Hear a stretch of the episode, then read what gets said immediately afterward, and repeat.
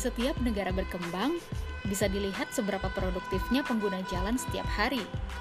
Contohnya saja di negara kita, Indonesia.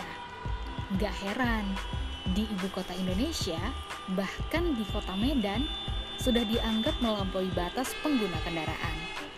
Semakin murahnya penawaran kredit dan cicilan motor ataupun mobil, semakin membuat warga kita berbondong-bondong untuk punya kendaraan sendiri dan memilih untuk tidak menggunakan transportasi umum.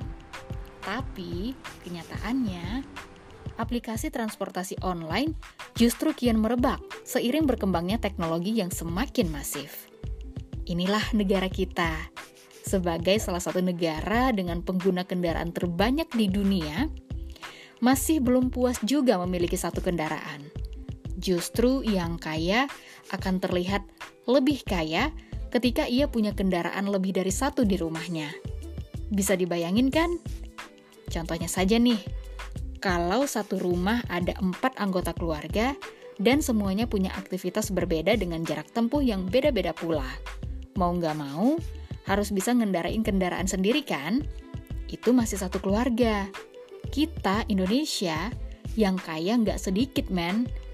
Belum lagi mobil dinas para pejabat sama mobil pribadinya. Ditambah lagi mobil transportasi online yang merajalela di setiap titik pemberhentian.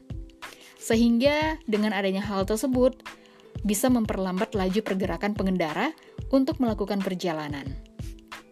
Nah, solusi yang tepat untuk kemacetan adalah penurunan tingkat pengguna kendaraan yang masif, patuhilah rambu-rambu lalu lintas, kemudian pilihlah jalan-jalan yang paling penting ketika melakukan perjalanan. Jangan lupa juga cari tahu alternatif jalan yang mudah diakses ke tempat tujuan.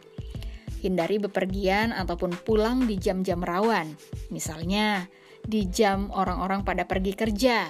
Kalau bisa, pergi lebih awal atau pergi di saat suasana jalanan agak sedikit lengang, supaya terhindar dari kemacetan.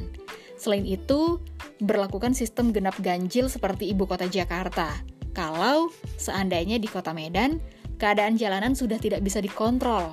Dan lebih baik, gunakan transportasi umum searah untuk menghindari kemacetan.